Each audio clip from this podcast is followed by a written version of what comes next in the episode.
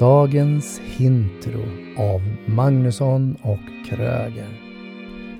Det här avsnittet är sponsrat av Framgångsnätverket.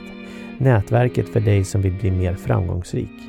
Du är förmodligen småföretagare, egenföretagare eller ledare. Hör av dig via info framgångsnätverket.se. Skippa prickarna. Veckans hintro om coaching. Och är det så enkelt eller är det så svårt? Men jag tänker också så här, det handlar ju om att kunna prata, det handlar om att kunna lyssna, det handlar om att kunna förstå. Ja.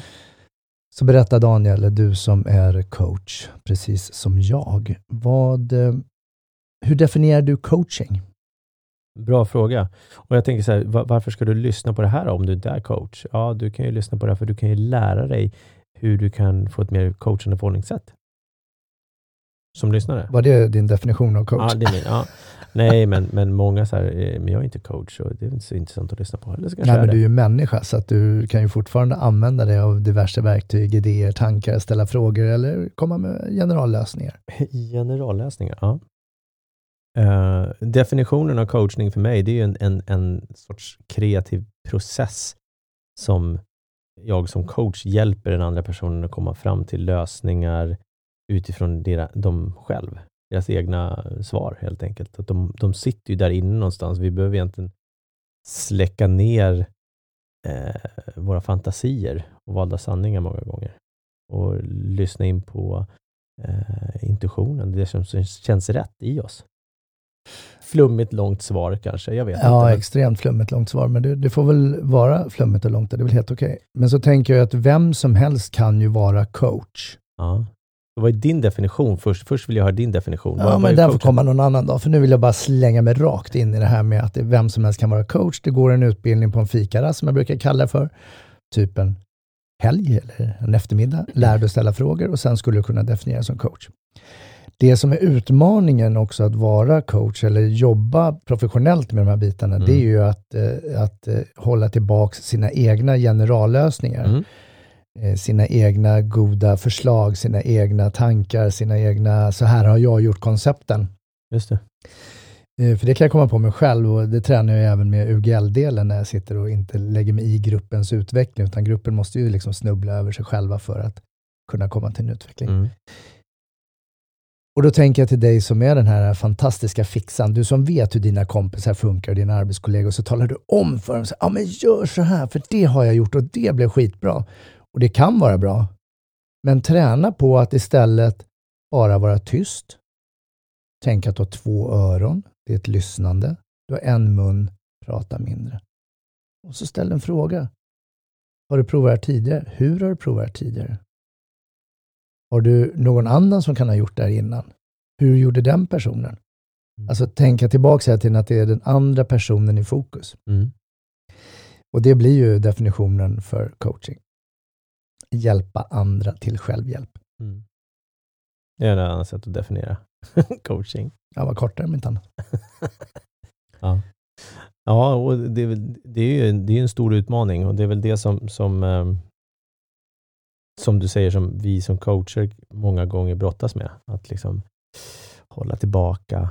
Eh, och just definitionen av en coach, det är därför det blir så viktigt för mig att vidareutbilda mig själv eh, hela tiden. Eh, och, eh, och även certifiera i någon form. Och liksom få, få en kvalitetsstämpel. Eh, sen, men sen så... Även, det kan du också få det jag kallar för fikarastcoacher. Det går en utbildning, du får en stämpel, du får ett sil, du får ett certifikat, ett diplom, whatever vad du ja, nu än ja. får. Och sen så kan du kalla det för coach. Ja.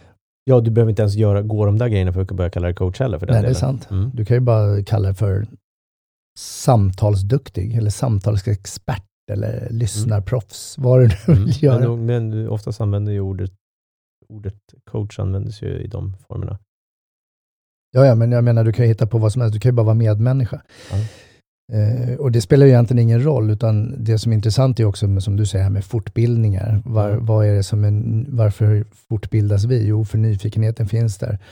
Hur påverkar hjärnan? Hur påverkar våra känslor? Hur påverkar rädslor, glädje? Hur på, allt vi gör har ju en påverkansgrad. Men jag tänkte så här, om du nu som lyssnar ska, ska träna på att verkligen lyssna till andra människor, då skulle du egentligen bara börja med att ställa en fråga, om du nu är ett sånt samtal, kan du säga så här, Åh, när vi är klara om en halvtimme, vad skulle du vilja uppnått? Det är ett sätt. Om du inte ställer några frågor, så tänk på att bara lyssna. Och var aktivt lyssnande. Det vill säga, lägg bort din telefon, sluta knyta skosnörena, pilla näsan eller vad du nu gör. Sitt där, titta människan i ögonen, bekräfta. Aha, wow, oj, har gjorde du det också? Det är det enda du behöver göra och sen träna på att vara tyst. Då har du kommit mer än dubbelt så långt än alla andra. Mm. Ja, svårare än så behöver det inte vara, Egent, i, eller, egentligen. Det är ju första steget i alla fall. Uh, och det, det är också just det här med, med alla uh, just det här med att vara en coach där ute. Uh, att gå själva utbildningen, det är, ju, det är ju egentligen bara första steget. Sen är det ju all erfarenhet. Det som jag fascineras över med att jobba med coachning är just att vi fungerar mer eller mindre på samma sätt, vi som människor. Alltså vi är alla människor, Homo sapiens. Och vi har alla samma sorters eh, rädslor, beteenden i någon form. Som vissa gör sig större uttryck och vissa gör, ger mindre uttryck hos individerna. Därav så blir det ju så lätt många gånger när jag sitter i ett samtal när någon berättar. Mm -hmm, Okej, okay jag ser ju kopplingen många gånger. Mm, mönster. ja, jag ser mönster och kopplingar till varför de beter sig på ett visst sätt och så frågar de till, okej, okay, och hur, när du växte upp, hur agerade dina föräldrar i en sån här situation? Jaha, okej. Okay. Mm. Då ser jag, okej, okay, nu förstår jag varför du beter dig på det sättet, för att dina föräldrar gjorde så här mot dig. Men nu djupdök du egentligen i vår profession. Mm där vi utbildar oss och ständigt eh, lär oss nya saker, prova gå hypnoskurser, NLP, kommunikologi, coachcertifieringar och så vidare och så mm. vidare och så vidare. Men det är ju just för att kunna identifiera de här mönstren och det är mm. det vi har, det är därför vi har ursäkta, den erfarenheten med oss utifrån att vi har tränat med människor, vi har lärt oss saker och ting. Så du letade ju nu mönster. Mm. Och det kan vi återkomma till under veckan. Men börja med att träna på att bara bekräfta andra människor och träna på att sitta tyst och verkligen vara närvarande när du lyssnar. Mm. Är du medveten om hur bra du är på det du gör? Oss hittar du på magnussonkroger.se